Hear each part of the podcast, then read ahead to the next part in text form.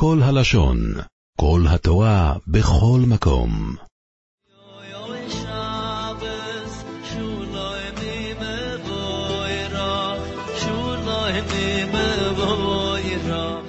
אז השבוע אנחנו עוסקים בסוגיה ישיבתית מובהקת, ואנחנו נחזור לימי שבטנו בכותלי בית המדרש. פרשס השבוע, פרשס קורח. אנחנו לומדים את הדין של שליחות, אחד משלושת המקורות. שליחס מנולן, בתחילת פרק ב' של קידושין, זה כן תרימו גם אתם. גם, מילה מיותרת, מכאן למדנו שאדם יכול להפריש תרומה על ידי שליח ושליחה של אודם כמויסוי, והיום אנחנו עוסקים בדין של שליחות, אבל עם דגש מיוחד בסוגיה הגדולה של אין שליח לדבר עבירה. אז קודם כל, למדנו את עצם הדין של שליחות משלושה מקורות בתוירס מוישה. כן תרימו גם אתם, הפרושטס תומס המייסס, ושולח ושילחו מבייסוי, גם שם ייטול של ה', אדם יכול לעשות שליח לגירושין, לתת גט לאשתו על ידי שליח. מקור שלישי, ושוחטו עשר כל קהל הדס ישראל, וכי כולם שוחטים, הלא איננו שוחט אלא אחד, מכאן ששליחוי של אדם כמויסוי. במנחסו של פרשס בוי, הבאתם את דברי הריבש, והיום לא נחזור על הדברים, מכיוון שאם הייתי רוצה לומר בשיעור כל מה שכתבתי בסוגיה של שליחות, הייתי צריך לעמוד כאן ולדבר במשך שבוע שלם, ולכן אני בוחר את הנושאים, אבל יסוד גדול שכן כתבתי, והוא יסוד חשוב. הרבה מגדול האחרונים חידשו. שיש שני דינים בשליחות, וכל ישיבה בוחר שלמד בישיבה יודע לדקלם את הדברים. אז מצד אחד רב שמן ורב אלחנן, גדולי ליטא, ובאותה תקופה רב יוסף אנגל, גדול גדולי גליציה בתקופתו, הגאון המדהים בספרים שלו, רב מאיר שמחה מדווינסק, שהיה לו דרך עצמאית, רבי צלפונוביץ' ובזכי יצחק. אלה גדולים ממקומות שונים, סגנונות שונים, אבל מעניין, כאילו רוח ממרום נחתה עליהם, וכל אחד מהם בסגנונו חידש. יש שני גדרים בשליחות. ולהשתמש בלשון המזוקקים שבהם, שליחות של מסירת כוח או האצלת סמכות, וזה השליחות של קידושין, גירושין, קניינים, שבו אדם מציל סמכות לזולתו לפעול בשמו, ושליחות של ידא אריכתא, התייחסות המעשים, וזה כל התחום של שליח, לעשות מצווה. פלוני פועל בשמי, אני מקיים מצווה על ידו, או שליח לדבר עבירה. באותם האופנים ובאותם העבירות שיש שליח לדבר עבירה. אז כאשר מדובר בקניינים, בדברים שנוגעים לבעלותו של אדם, בחלויס, והרבה פעמים הסברתי לכם מה זה חלויס בשפה ישיבתית. כל מעשה שמשנה מעמד של אדם או של דבר, כל מעשה שיש בו כדי לשנות סטטוס, של אדם או של דבר. קידושין, האישה הופכת מפנויה לאשת איש. גירושין, המעמד שלה משתנה מאשת איש לפנויה. קניינים, הממון יוצא מרשותו של פלוני לרשותו של אלמוני. כל המעשים שמשנים מעמד של אדם או של דבר, זה חלויס. וזה הצלת סמכות לפלוני לפעול בתחום בעלותי. אבל יש שליחות של, לא של חלויסים, לא של שינוי מעמד. שליח לדבר מצווה, אבא כשמנה שליח לאמור את בנו, אדם שמנה שליח לבדוק חמץ בביתו. זה שליחות שבו אדם פועל על ידי שליחו. בחלויסם השליח פועל למען משלחו. אז אני רק אומר את הגדר הכללי, אבל התורתה היא תורתם של הרבה גדולי עולם, כמעט באותה תקופה, וכל אחד בסגנונו.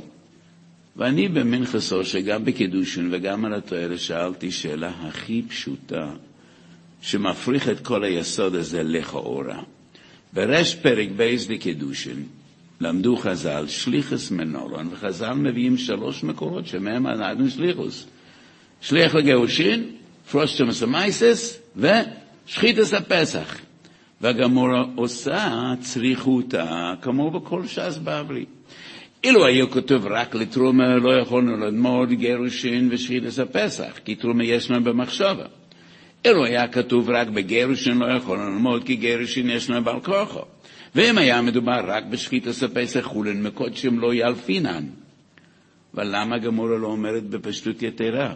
אי אפשר ללמוד שחיתס הפסח מגירושין, כי גירושין זה חלויס, גדר אחר לגמרי. ומשחיתס הפסח לא נוכל ללמוד על הצלת סמכות, כי זה רק התייחסות המעשים, מדובר בגדרים שונים. תרומה עומדת איזשהו מקום באמצע. יש בו חלויס, יש בו גם מצווה, אבל אם מדובר אכן בגדרים שונים, איך אפשר ללמוד זה מזה? אבל מדברי חז"ל, ברור שאפשר ללמוד זה מזה, אלא שיש צריכותא. וצריכותא זה תמיד סברה בעלמא. אי אפשר ללמוד א' מב', כי אולי יש הבדל בין א' לב'. מחשבה, בר כוחו, חולין, זה קודשים, משמע שאין הבדל יסודי. ולכן ברור בעיניי, החידוש של שליחוס היא אחת, שאדם יכול לפעול על ידי זולתו. וזה החידוש הגדול של שליחות. חידוש מרעיש, שלא יכולנו בכלל לחדש מדעתנו. שאדם יכול לפעול על ידי זולתו, שיש כוח לאדם לעשות מעשים על ידי אחרים, והם יפעלו בשמו, ושליחו של אדם כמויסו, וזה כולל את הכל. בניואנסים, בדקויות, אני מסכים. יש גדרים שונים, אבל אפשר ללמוד זה מזה. משיחית של תוירה, שאדם פועל על ידי שליחו, זה כולל את הכל. וההבדל איננו יסודי. ההבדל איננו תהומי. לא מדובר בשני גדרים שונים ביסודם. איפה בכל זאת מתבטא ההבדל? אני רוצה לומר דברים מאוד ברורים. ואני אומר, בקצה המסלג, יסודות גדולים שלוקח שנים לחדש אותם וללמוד אותם. בגיטן ס"ו יש מחלוקס ראשונה, מי שמוטל בתוך הבור והוא מכריז וצועק החוצה מהבור. כל השומע קולי, יכתוב גט לאשתי. שליחו של אדם כמו ישראל. מי ששומע את הקול שלו יכול לכתוב גט. טויסס והרמב"ן ושאר ראשונים מפלפלים, מה הדין כשאדם אומר, כל הרויצה יכתוב גט לאשתי, וכדומה. האם כל הרויצה זה שליחות או לא?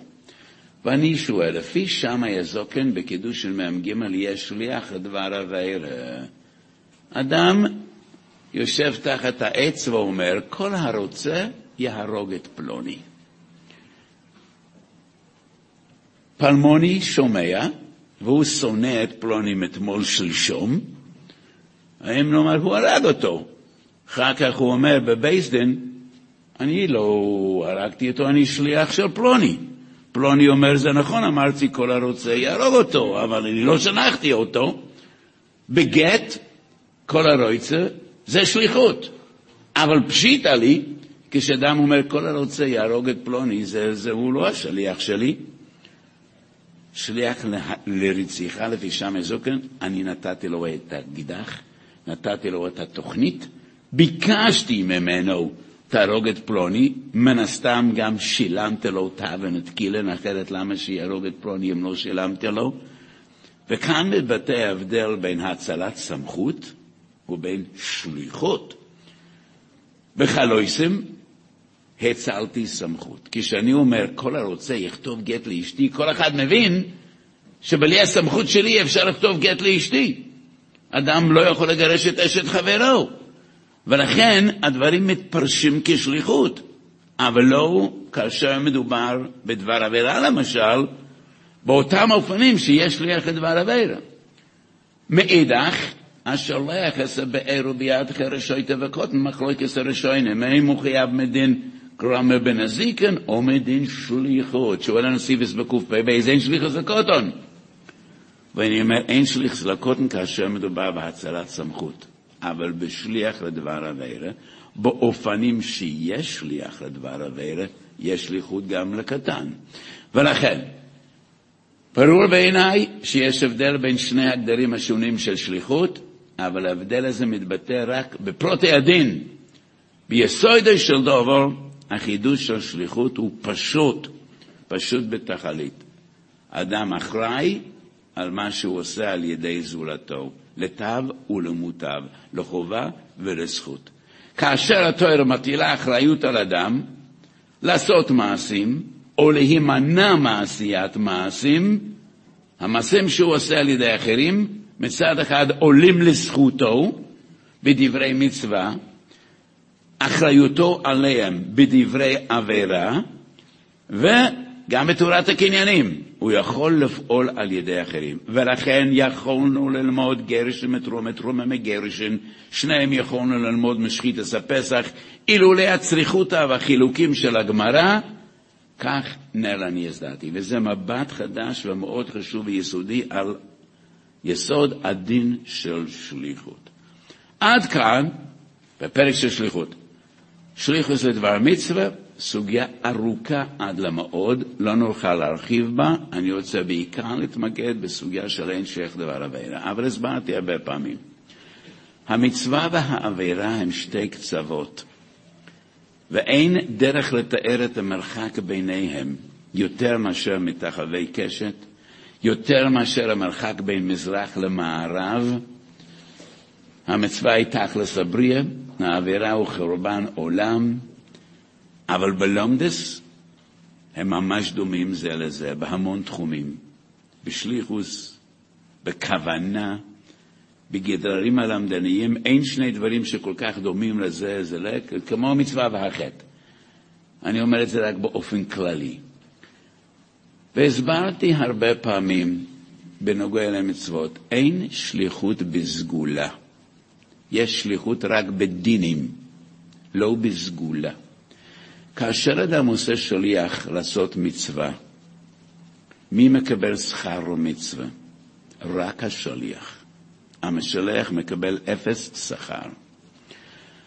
אתה היית עצל מדי לבדוק חמץ. שלחת שליח והלכת לישון. ולעתיד אתה חושב שאתה תקבל שכר מצווה בדיקס חומץ. למה בדיוק מגיע לשכר? הלכת לישון. לא עשית כלום. הטרחת אחרים, הם טרחו לבדוק את הבית שלך, הם יקבלו את המצווה, ואתה כלום. אני יודע שרש"י כותב בקידוש מ"א, מצווה ביועסם השליחו דכי עושה גופי במצווה מקבל שכר תפאי. ואני אומר פשט ברש"י, מי ששולח שליח מקבל שכר על הטורח. הוא עשה חמש טלפונים עד שהוא מצא שליח, הוא שבר את הראש למצוא את השליח, אולי הוא גם שילם לו, הקודש ברוך הוא נותן שכר לעושי רצונו, לאו דווקא למי שיוצא ידי חובתו על ידי המצווה. ולכן מי ששלח שליח יקבל שכר על הטורח, על הזמן, על הכסף ששילם, אבל סגולת המצווה, כל כולו למי שעושה את המצווה. אני חושב שלפני שבוע דיברנו על ברכס המצווה, מי עושה את הברכה? מי שעושה את המצווה או מי שיוצא ידי חובה. ואמרתי באופן ברור שהברכה שייך למי שעושה את המצווה, ולא מי שיוצא ידי חובה. ואולי היסוד ההוא שדיברתי בשבוע שעבר קשור ליסוד הזה שאני מדבר עכשיו. מי שעושה את מייסה המצווה, הוא עושה מצווה, הוא מקבל שכר. מי ששלח אותו, יוצא ידי חובה. הצינור של שליחוס יש בו מסננת. המסננת מעבירה רק דינים, לא קדושה, לא טהרה, לא סגולה. מי יזכה בסגולה של מצווה גוררס מצווה? מי זוכר בסגולה המופלאה שחז"ל מבטיחים מצווה גוררס מצווה? מי זוכר במצווה גוני מאגני ואצולי מעצלה, מצווה מצילה מן החטא, המצווה מגינה על האדם, רק השליח, המשלח לא מקבל כלום, לא שכר, לא מצווה גררס מצווה, לא הגוני מאגני, לא עשית דבר. הלכת לישון. השליח הוא שעשה את המצווה. ואולי זה גם הסיבה שהוא מברך, ולא השולח. עכשיו, אני יודע שמה שאני אומר הוא חידוש גדול. בניגוד לדברי הפלייסי ביורדי החוב חס, ויש לי ראייה, אני לא מדבר רק מסברת הלב. פרק ו' של מסכת חולין, פרק כיסוי אדם, יש את הסוגיה של עשור הזהובים. מי שחוטף מצווה מחברו צריך לפצות אותו, עשור הזהובים. והראש מביא ויכוח גדול בין הראשונים. פלוני כיבד את מויל א' למולד בנו. פתאום מויל בייס צץ מאמצע הרקיע, ניגש לתינוק לסנדק ומוהל את הבן, בלי שביקשו ממנו. יש מחלוקת בין רבינו תם ושאר הראשונים, האם מויל בייס צריך לשלם עשרה זהובים, לא מויל א', חטפת לו את המצווה. אבל יש אומרים, זה לא מצווה של מויל א', זה לא מצווה שלו, הוא היה רק שליח של הרב, ולכן לא מגיע לו פיצוי. ואני שואל, אף אחד מהראשונים לא מעלה בכלל את האפשרות שמויל בייס צריך לשלם לאבא עשור הזהובים, לא למויל א', לקחת את המצווה של האבא. הוא מינה שליח, אם השליח שלו היה מעל, הוא היה מקיים מצווה, חטפת את המצווה, האבא לא קיים מצווה, אף אחד לא מעלה בכלל על הדעת, אולי מגיע פיצוי לאבא, ואני אומר, לאבא לא מגיע פיצוי, ברגע שהוא מינה שליח הוא מחוץ לתמונה, הוא בלאו הכי לא מקבל שכר. זה כבר, הוא, הוא הפסיד את המצווה כבר ברגע שהוא מינה שליח, ולכן כל הדין ודברים בין מויל א' למויל ב' זה מחלוקת הראשונים, אבל אבא לא מגיע פיצוי, כי האבא בלאו הכי לא היה מקבל שכר מצווה. האבא מקבל שכר זה משהו אחר, להכניסו לבריסו של אברהם אבינו, אבל על המילה, מי ששולח שליח, לא מגיע לו עשור זהובים, הוא רק יצא ידי חובה, לא מזה, לא יותר מזה. עוד ראיה, אגרס התשובה לרבני יוינה, יום זין, אגרס התשובה לרבני יוינה מחולק לפי ימי השבוע. יום זין, אני חושב שזה עוד סמך. אומר רבני יוינה, אישה שמדליקה נרות בתוך ביתה בערב שבס קוידש, תזהה להדליק את הנרות בעצמה, לא על ידי המשרתת שבבית, כדי שתקבל שכר מצווה. למדנו את דברי בן יוני, אם המשרתת מדליקה את הנרות, היא מפסידה שכר מצווה חבל. היא יוצאת ידי חויבו, כי יש נר שבס בבית, היא לא תיענש על ביטול מצווה ססי, אבל היא לא תקבל שכר, כי היא לא הדליקה.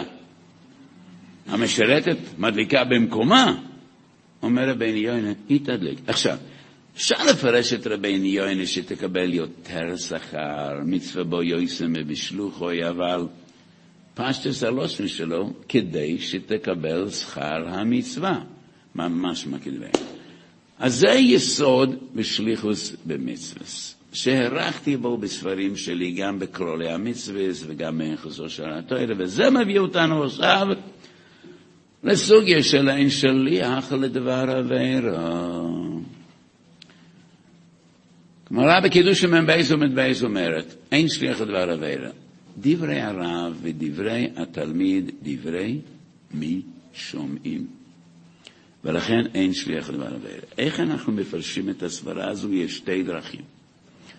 הסמה, שתי מקומות בחושבים יש בדבר עגר, ואני רוצה להציע דרך שלישית, שבעוניי אני חושב שהיא הכי מתיישבת על הלב, אבל זה לא פלא, תמיד אדם חושב שמה שהוא אומר הוא הכי טוב.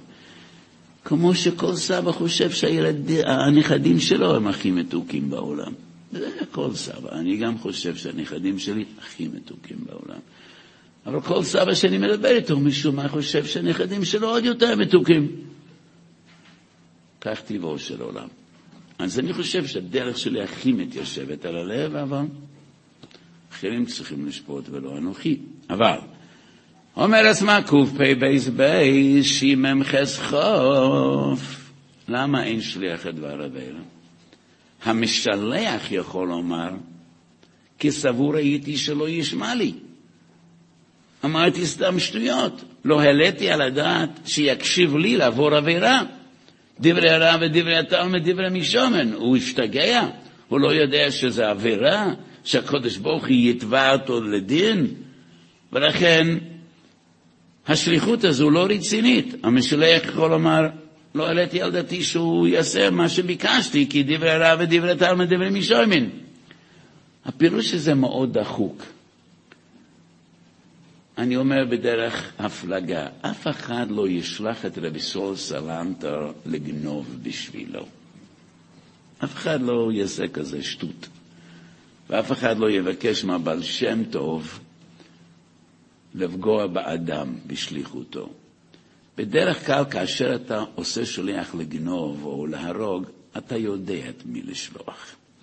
ואל תספר אחר כך, חשבתי שלא ישמע בקולי, גם שילמת לו עשרת אלפים דולר. בשביל מה שילמת לו? ולכן הסברה הזו לא לגמרי מתיישבת על הלב. יתרה מזו, בבוא ומציע דף י' כתוב, שוטפין שגנבו חייבים, שניהם חייבים, אף על פי שצריך שליחות, כי שניהם גררו את החפץ ביחד, וכל אחד הוא שליח של חברו, הם גנבו ביחד. אז איך אחד יכול לומר, חשבתי שלא ישמע בקולי, אתה ראית שהוא שומע בקולך, וגנבתם ביחד. והגמור אומרת, גם זה מבוסס על שליחוס. ולכן הסברה של עצמה לא לגמרי מתיישבת על הלב. גם שם אומרים אין שליח לדבר האלה בשטות ושגנבו. רק משום מגיד הזוכר הנפשי, זוכר המלאכה, אבל אחרת היינו אומרים אין שליח לדבר האלה. כך שואל רבי עקיבא איגר על עצמה.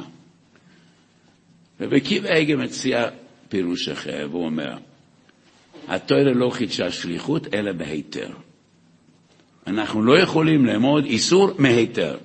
מי אומר שיש שליחות נגד רצון התורה? אולי אתה לא חידשה שליחות אלא בהיתר.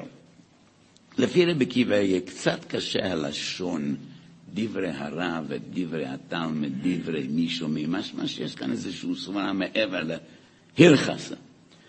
פני ישוע בקידושין מעין דברי רבי עקיבא איגר, ורק עם קצת קצת סגנון אחר, אומר פני ישוע. מכיוון שלא ידענו בכלל שיש שליחוס אלה מתרומה וגרשן ושחיתס הפסח, אין לך בעיה לחידושוי. ולכן דבר אבלה לא דומה לשלושת המקורות. הטויסס מחדשים בבבא קמא אינטס, והרבה ראשונים הולכים בעקבותם, אף על פי שיש ראשונים גם שחלקו עליהם. שכאשר השליח שויגג, יש שליח לדבר אבלה. אז מה מפרש לשיטתו? כשהוא שויגג אי אפשר לומר כסבור הייתי שלא ישמע בקולי, אבל לדעתי, לפי הזמן זה לא תלוי אם פלוני הוא שויגג, זה תלוי אם המשלח יודע שהשליח הוא שויגג. אם השליח הוא שויגג, אבל אם השולח לא היה מודע לזה שהשליח הוא שוגג, אז השולח עדיין יכול לומר, לא, לא חשבתי שישמע בקולי, אבל הוא לא ידע שזה עבירה. לא ידעתי שהוא לא יודע שזה עבירה, ולכן הראשונים לא די שהם אומרים שאם השליח הוא שויגג, אין שליח הדבר הזה, הם צריכים להדגיש יותר. אם השולח מודע לכך שהשליח הוא שויגג, אז הוא לא יכול לומר, סבור הייתי שלא ישמע בקולי. ולכן עדיין צורך עיון. אז מה גם לפרש לפי דרכו? שיטס רבינה, בבוא מציע דף י', אם השליח לא בר חיובה, יש שליח לדבר חבר. אם השליח לא בר חיובה, אתה לא יכול לומר שחשבתי שלא ישמע בקולי. וגם זה לא מובן. כהן שאומר לכהן קדש לי גרושו, אין שליח לדבר חבר, כי השליח הוא בר חיובה. כהן שאומר לי ישרול קדש לי איש גרושו, יש שליח לדבר חבר. אבל גם כהן שאומר לכהן, קדש לי אישה גרושה, השליח לא עובר בעבירה, רק המשלח. השליח היה עובר עבירה, היה מקדש אישה גרושה לעצמו, לא כשהוא מקדש לאחרים. ולכן לגבי השליח, מה זה משנה אם הוא ישרול או כהן? הוא לא עובר בעבירה של גרושה לכהן, זה רק הבעל עובר, ולא השליח. בהכרח שיש כאן סברה אחרת. יתרה מזו, שעולים הטויסס בבוא ומציע דף י', גם כהן שאומר ליסול, קדש לי אישה גרושה, יסול עובר בלפני יבר לא תיתן מכשול. וזה לאו. מסבירים הטויסס, זה לא הופך אותו לבר חיובה.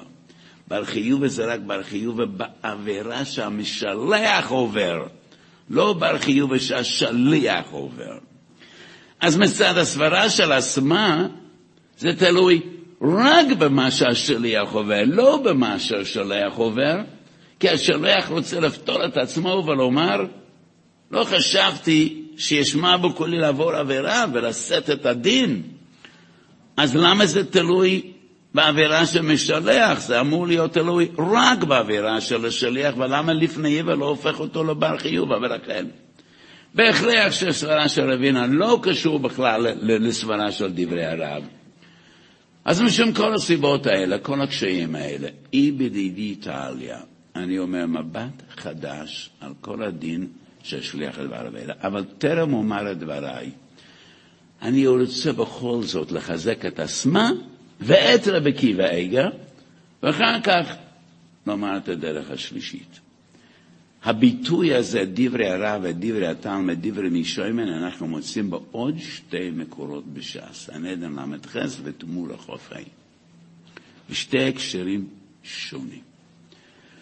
ואני חושב ששני ההקשרים האלה, יש בהם מצד אחד ראיה לשמה וראיה לרבי קיבגה. מה כתוב בסנהדרין?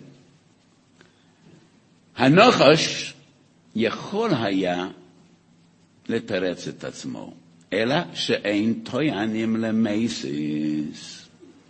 בייסדן אמור להפוך בזכותו של כל אחד שדנים אותו דיני נפשות. ובייסדן אמור לעשות כל מאמץ והצילו עדו, להדין אותו לקו זכות. חוץ ממייסס, מי שמסית אנשים לכפור באלוקי ישראל ולעבוד עבודת זורה, לא מגיע לו הגנה. ובייזן לא אמור להפוך בזכותו. שהרי הנוחש יכול היה לטעון דברי הרב ודברי התלמוד, מי שיימן. כך הנחש יכול היה לטעון. את מי הסתתי לאכול מעץ הדעת? את האדם הראשון, יציר כפיו של הקדוש ברוך הוא, לא חרש שויטה וקוטן. מה פתאום שישמור בכל הנחש? כאשר הוא שמע מהקודש ברוך הוא, מכל עץ הגן אוכל תאכל, ומעץ הדס ורע אל תאכל. ולכן הנוחש יכול היה לפתור את עצמו בטענה של דברי רב ודברי תלמד דברי מי שוימן. אבל הוא לא טען, ובית דין לא אמור לטעון לטובת המסית. שואלים את האיסס, אז למה כל מייסס חייב? לא נחש באדם הראשון, אלא לאורך הדורות. מייסס חייב מיסה, ולמה אנחנו לא אומרים דברי רב ודברי תלמד דברי מישיימן? אין טויאנים למייסס, ואם הוא יטען, נפתור אותו. תויסם את עצם תירוס מאוד פשוט. המסית חייב על עצם ההסתה. לא חשוב אם ישמע בקולך או לא. זה לא עסק שלך. להסית אדם לעבוד אבל אזור זה עבירה, ועל זה הוא חייב מיסה. אבל בשליח הדבר עבירה, אם בסופו של דבר הוא לא יעשה את העבירה, גם אני לא עברתי עבירה. אם אודם הראשון וחווה לא היו אוכלים מעץ הדעת, הנוחש מן הסתם לא היה נענש. הוא רק נענש כי הם עברו ואכלו מעץ הדעת. ולכן מייסס לא יכול לומר דברי רב ודברי תלמוד דברי משמן. אנחנו אומרים, לא מעניין אותנו אם הוא עבר או לא. עצם החוצפה להסית אדם לעבוד עבודה זורה, זה החטא. ועל זה מייסס נותן את הדין. אבל הנוחש לא היה נענש אילולי שאודם הראשון וחייו אכלו מעץ הדת, ולכן הוא יכול לטעון, לא עליתי על דעתי שישמעו בקול נחש, ולא בקול השם. מי הם? זה אודם וחווה. שהקדוש ברוך הוא ברא אותם מיצירי כפיו של הקדוש ברוך הוא. אז הגמרא הזאת, דברי רב ודברי תלמד, מתפרשת יפה לפי הסברו של עצמה. כסוף ראיתי שלא ישמעו בקולי. יש גמורה בתמור החופי, שם כתוב שבשעת נשר, לקט שקר ופה, נשר, מה שנופל מן העץ בשעת הקטיף, זה מתנס עניים. אדם בשעת נשר רוצה להפקיר את הפרי, כדי לזכות בו, ושזה לא יהיה של עניים, כי בהפקר אין מתנס עניים, אין לקט ופה משדה הפקר. האם הוא יכול להפקיר באותו רגע שהענבים נושרים מן העץ, הגמרא אומרת, לא, לא מועילה ההפקר, כי דברי רב ודברי תלמד, דברי מי שאומן. הקדוש ברוך הוא אומר, כן מתנסניים, אתה אומר, לא מתנסניים. כאן לא מדובר באנשים, כאן אי אפשר לפרש כמו הסמה. כאן הדברים מתפרשים אך ורק לפי סגנונו של רבי עקיבא איגר. דברי אדם מול דברי הקדוש ברוך הוא, אין להם תוחלת, בטלים ומבוטלים. אתה לא יכול למנות שליח כאשר מיניו שליחס הוא נגד רצון השם. לא משום כן ישמע בקולך או לא ישמע בקולך. הדין של שליחות בטלה כשהיא מתנגשת בדבר השם. וכאין זה הביטוי בתמור החופי דברי הרב ודברי התלמד, דברי מי שוימן. אז הבאנו גמרא אחת שמחזקת את הדרך של רבי קיבייגה, וגמרא אחת שמחזקת את הדרך של אסמה, ואף על פי כן אני אומר דרך שלישית. כי בלאו הכי אנחנו רואים שאותם המילים, דברי רב ודברי התלמד, מתפרשים בדרכים שונות בסנהדרין ובתמורו, ולכן אני אומר שבקידוש המ"ב הם מתפרשים בדרך שלישית. ולכן נרר אני הזדייתי. וזו סברה מאוד משורשית. פשיטא להו לחז"ל, שעל מעשה אחד אי אפשר לחייב שניים. אי אפשר שגם השליח וגם השליח יענשו. עבירה אחת נעשתה. רק אחד אמור לתת את הדין, או השליח או השליח. אי אפשר לחייב את שניהם. זו הנחת היסוד. או שיש שליחות או שאין שליחות. באופן כללי, שליחות של אדם כמייסרי. שליחות מועילה בקידושם, בגרשם, תומס המייסס, בקיום המצוות, לא בכל המצוות, אבל במצוות רבות, בכל הקניינים כולם. לכאורה השליחות אמורה להועיל גם בדבר אבלה, ונחייב את המשולח. כאן אומרים חז"ל, אבל אין שום מקום לפתור את השליח. דברי הרב ודברי התלמד, דברי מי שומעים? הסברה הזו לא נכנסת לפיו של השולח, לא קשור לשולח, זה קשור לשליח. אתה מצפה שנפתור אותך? למה? כי אתה שליח של פלוני? אין שום צעד לפתור את השליח. אתה בר דעת, הרגת את הנפש, גנבת ממון. לא. איזה מקום יש לפתור אדם? שעבר עבירה בידיים? דברי רב ודברי תלמד, דברי משומן, אומרת אי אפשר לפתור את השליח, וממילא אי אפשר לחייב את המשלח. וממילא אנחנו, אין לנו מנוס, אלא לומר שבאווירה אין דין שליחוס. בניגוד לפירוש של עצמה, שהמשלח הוא זה כביכול שאומר דברי הרב ודברי הדר ודברי משומן. אל תתבעו אותי, משום שלא חשבתי שישמעו בקולי לא. דברי הדר ודברי תלמד זה אנחנו אומרים לשליח. אין לפתור את השליח. הוא זה שעבר עבירה בפועל. המשלח רק דיבר דברים. המשלח לא עשה את העבירה בעצם. אנחנו רוצים לחייב את המשלח מצד דין שליחוס? לא. דין השליחות אין בה כדי לפתור את השליח, כי הטענה דברי הרב ודברי התל ודברי משומן זועקת עד לב השמיים.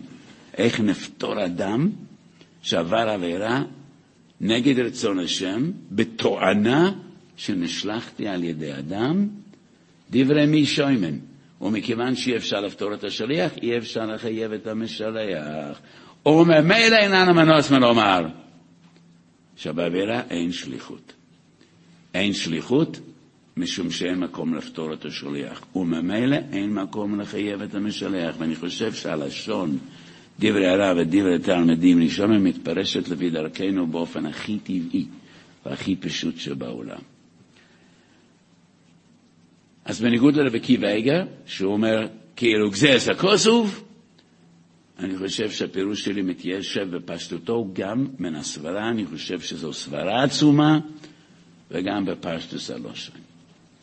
כאשר השליח הוא שויגג, ובלאו הכי הוא לא עתיד לתת את הדין, למה לפתור את המשלח? אז חוזר את הדין של שליחו של אודם כמויסו, והשולח חייב בכל חומרת העונש. כי בלאו הכי לא מחייבים את השליח, הוא שויגג. ולכן הדין חוזר לחייב את המשלח. זאת הסברה של הטייסס, שבשויגג יש שליח את דבר הבאר. הרמו בשין חוף, שין מ"ח, סעיף אחרון בסימן שמ"ח, הרמו מדבר על מצב שפלוני שלח את אלמוני לגנוב, השליח חייב, אין שליח הדבר הבאר, הלשון של הרמו הוא עיקר הגנב. עיקר הגנב, מה הלשון? הוא הגנב. לא. תיאורטית אפשר לחייב את אחד משניהם, המשלח שלח אותו, אבל הוא זה שגנב. וזה הלשון של רמו, הוא עיקר הגנב. ולכן לא נוכל לפתור אותו. אם לא נוכל לפתור אותו, ממילא אי אפשר לחייב את השולח, כי שניהם ודאי לא חייבים. או מי ששלח, או מי שביצע. ודברי הרב ודברי התלמוד, דברי מישומן אומרים אי אפשר, אי אפשר לפתור את המבצע. הוא הרג, הוא גנב, הוא זה שעבר עבירות. ולכן פוטרים את המשלח. כאשר השליח שויגג, האחריות שלו רוב... יורדת פלאים. הבאתי הרבה פעמים בספרים שלי את דברי הרמב"ן בשער הגמול, פלאי הפלאות. הרמב"ן מסביר למה שויגג חייב להביא קורבן חטאת. שויגג איננו נענש שום עונשי גוף. לא דלת מיסס בייסדין, לא מלקס. בנזיקין יש דין עוד עמוד ליולו, חייב בתשלומין, ובלאו שיש בקורס, הוא חייב להביא חטוס. הרמב"ן כותב שתי דרכים למה שויגג חייב בחטוס. לפי דרך אחת, בכל זאת יש עליו אחריות מסוימת. הויו לא ללמוד, בניגוד לאוינס. אוינס לא מביא קורבן. שויגג הוא לא ממש אוינס. שויגג תמיד קשור לרמה מסוימת של פשיעה או של רשלנות פושעת. לא ידעת. היית אמור לדעת. לפי החוק המודרני, להבדיל, בורות איננו פוטר את האדם שעובר בעבירה פלילית לעולם. הוא לא יכול לומר, לא ידעתי שזה אסור לפי החוק. אם זה העלמות מס או כל תחום שהוא. היעדר ידיעה לא פוטר את האדם. לפי הטוירו, כן פוטר את האדם. שויגג איננו נענש, אבל הרמב"ן אומר, כל שויגג צריך לפחות להביא קורבן חטוס. הויו לו לדעת, היה לו להיזהר, אם היה ירא שמיים ותכלית לא היה נכשל, היה נזהר. פירוש שני של הרמב"ן, הוא לא עבריין, לא צפוי לו שום עונש, גם לא בידי שמיים, אבל כל עבירה גורמת פגם, והקורבן מנקה את הפגם, מתקן את הפגם. שתי דרכים ברמב"ן, למה שיקרה קודם? אבל האחריות שרובצת על השויגג, אפילו בדיני ממונות, היא אחריות פחותה. ושויגג, אנחנו לא אומרים דברי הרע ודברי הטעם ודברי מי שוימן. כי מי שעבר את העבירה אומר, ודאי שהייתי שומע לדברי הרב, אבל לא ידעתי. ואז אנחנו שוב מטילים את האחריות על המשלח מצד דין שליחוס. כך נראה, אני הזדהיתי בביו. אז היום, בשיעור הקצר, חידשנו חידושים גדולים ועצומים בשלושה תחומים. קודם כל, עצם הדין של שליחוס, בייז, שליחוס לדבר מצווה, ג' דבר אביירה. ועכשיו רק לסיום השיעור, מה הקשר במצווה לאביירה? כי אמרתי שיש דמיון. כל הסברה של דברי הרב ודברי התלמוד, דברי מי שוימן, בפרט לשיטה ססמה, לכאורה מופרכת. המשלח אומר, לא, לא העליתי על דעתי שישמע בקולי ויעבור עבירה, אבל השליח אומר, לא עברתי עבירה. שליח שלום כמו ישראל. אז למה לא חשבת שאני אעשה את זה? אני פטור, אני נקי, עבירה שלך. אז מה זה התירוץ הזה? לא חשבתי שיעבור עבירה כדי לשמוע בקולי, אבל אם יש שליחות, הוא לא עבר עבירה. אתה עברת עבירה כי שליחו של אדם כמו ישראל. ואני אומר, אני שואל שאלה, לפי שמאי הזקן, יש שליח לדבר עבירה. שמאי אומר, צא הרוג את הנפש, שליח פטור, משלח חייב. אם השליח כהן, האם הוא יכול לשאת את כפיו? זו השאלה שלי. שליח הוא כהן, הוא הרג את הנפש. בייסדין פסק שהשולח חייב מיסס בייסדין, כי לפי שם הזוקן יש שליח הדבר אבירה.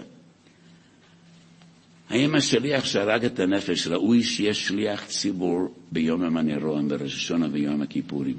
אם הוא כהן, האם יכול לשאת את כפיו? כהן שהורג את הנפש לא יישא את כפיו. פשיטא לי שהוא לא יכול לשאת את כפיו. זה נכון שבייזן חייב את השולח, אבל אתה רוצח. הרגת את הנפש. איך הוא יכול לשאת את כפיו? ידיכם דומם מלואו, הקדוש ברוך הוא אומר לשליח, יותר מאשר לשולח. שפטנו אותו כי יש שליח את דבר לשם יזוקן.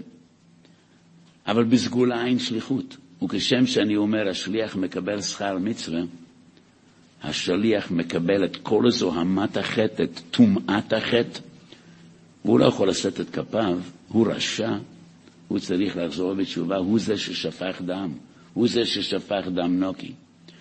השליחות מעבירה את העונש, כי השלוחס מעבירה דינים.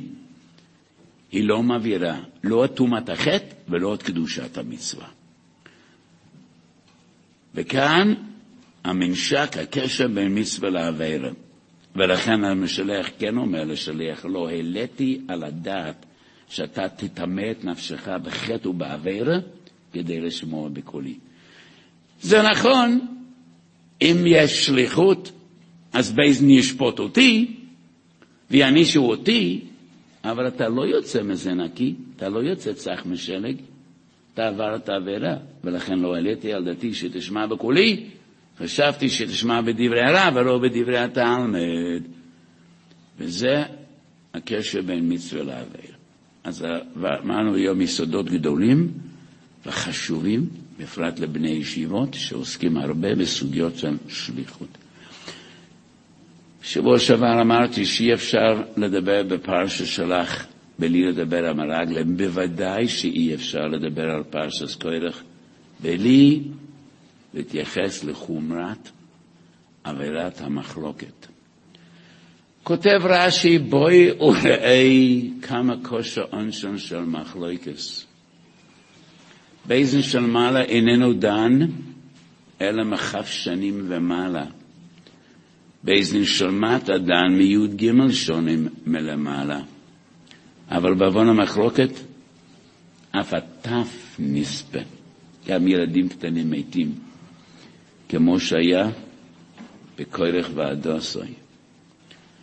כמה קשה עונשון של מחלוקס. בלקוטי תוירה פרסי שויפטים, רב חיים ויטל מביא בשם ארי הקודש. כתוב במדרש שבשעת חורבן הבייס שאלו מלאכי אשורס הקודש ברוך הוא שאלות נוקבות עד למאוד. מקורות רבים יש בבבלי, בירושלמי, במדרוש החז"ל, שהקודש ברוך הוא בדרך בין הדרכים מקיים את מצוותיו הוא. מה שציווה אותנו גם הקודש ברוך הוא מקיים. הגמרא אומרת שהקודש ברוך הוא מניח תפילין בכל יום. הדברים נשגבים מבינתנו. אבל הגמרא אומרת, מה כתוב בתפילין של הקודש ברוך הוא?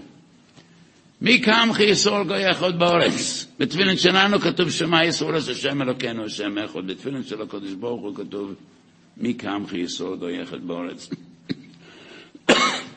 בשעת החום מלאכי השור שאלו את הקודש ברוך הוא, אתה אמרת ושופך הסדומי וכיסו בעופר, מצווה של כיסוי אדם, ולא קיימת.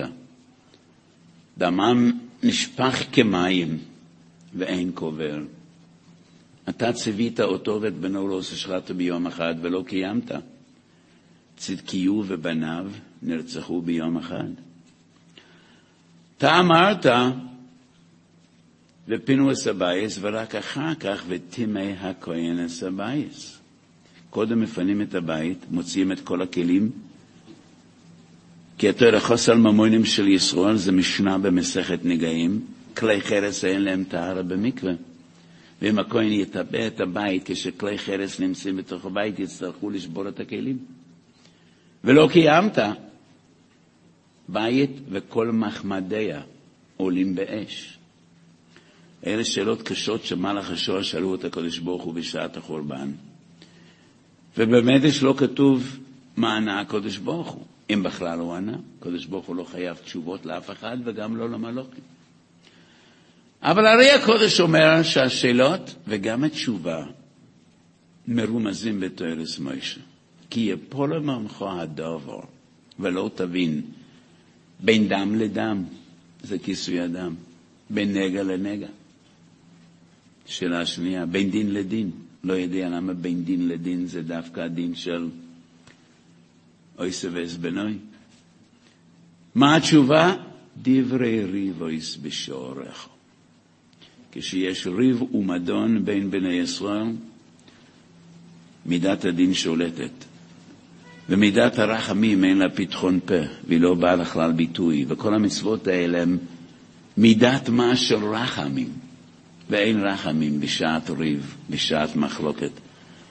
ולכן בשעת מחלוקת מסביר רש"י, גם הטף נספים, גם ילדים משלמים את המחיר.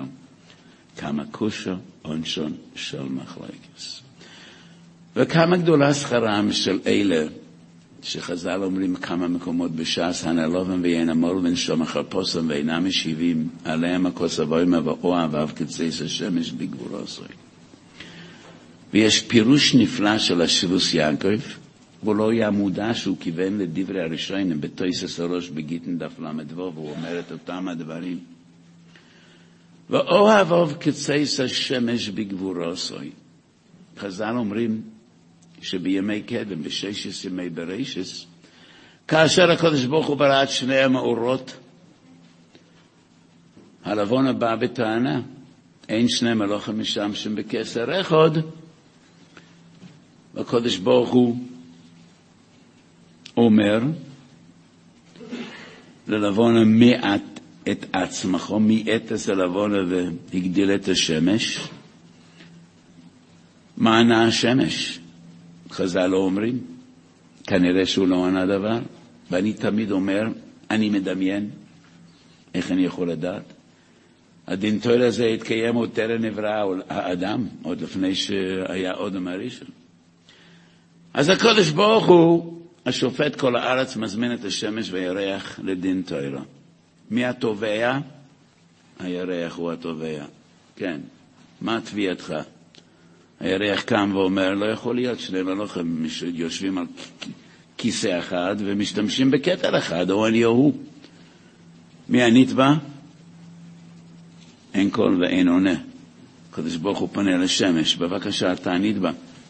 השמש אומר, אני לא יודע למה הזמינו אותי לפה, מה, מה התפקיד שלי כאן? אני עד, אני נתבע, אני שופט, אני, למה הוזמנתי לכאן? והקדוש ברוך אומר, הוא טוען, אין שני מלוכים משם שמקסר אחד. והשמש אומר, אני מלך. מה, הוא השתגע? אף פעם לא חשבתי שאני מלך, אני חשבתי שאני עבד בכלל. על מה הוא מדבר? שני מלוכים, כתר אחד. הנובי אומר, ואנחנו אויסם במי הלוכה, מי אלוהיסה שחר עד סייסה כחובים. אומר השמש, אני צריך לקום לפני אלוהיסה שחר, כשכולם עדיין ישנים, ואני לא יכול ללכת לישון עד אחרי צייסה כחובים. איזה מלך אני? אני עבד עבדים, אני משרת את העולם. זה המלך האמיתי, אומר הקודש ברוך הוא.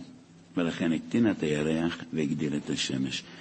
וזה מובטח לדורות עולם, לכל מי שנעלב ואינו עולב. ואוהביו כצס השמש בגביר עשי.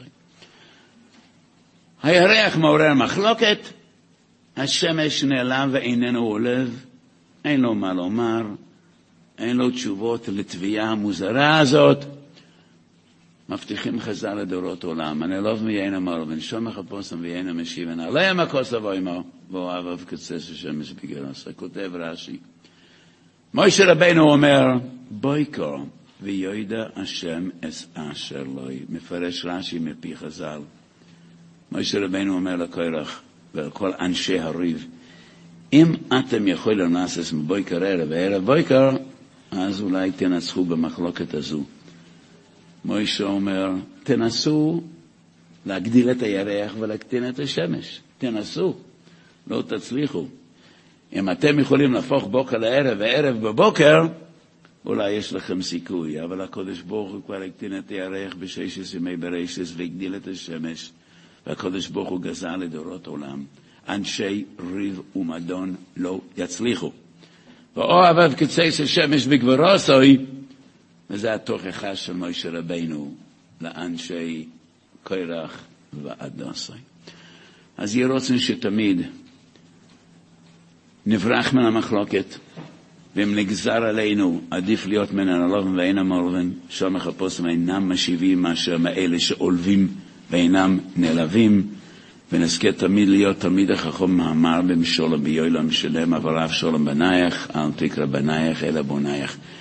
ובזכות השולם שהקדוש ברוך הוא ישלח לנו מבשר שולם אליהו הנובי ונזכה לביאס משיח צדקנו במהרו ויומנו אמן. עולם שלם של תוכן מחכה לך בכל הלשון, 03 617 1111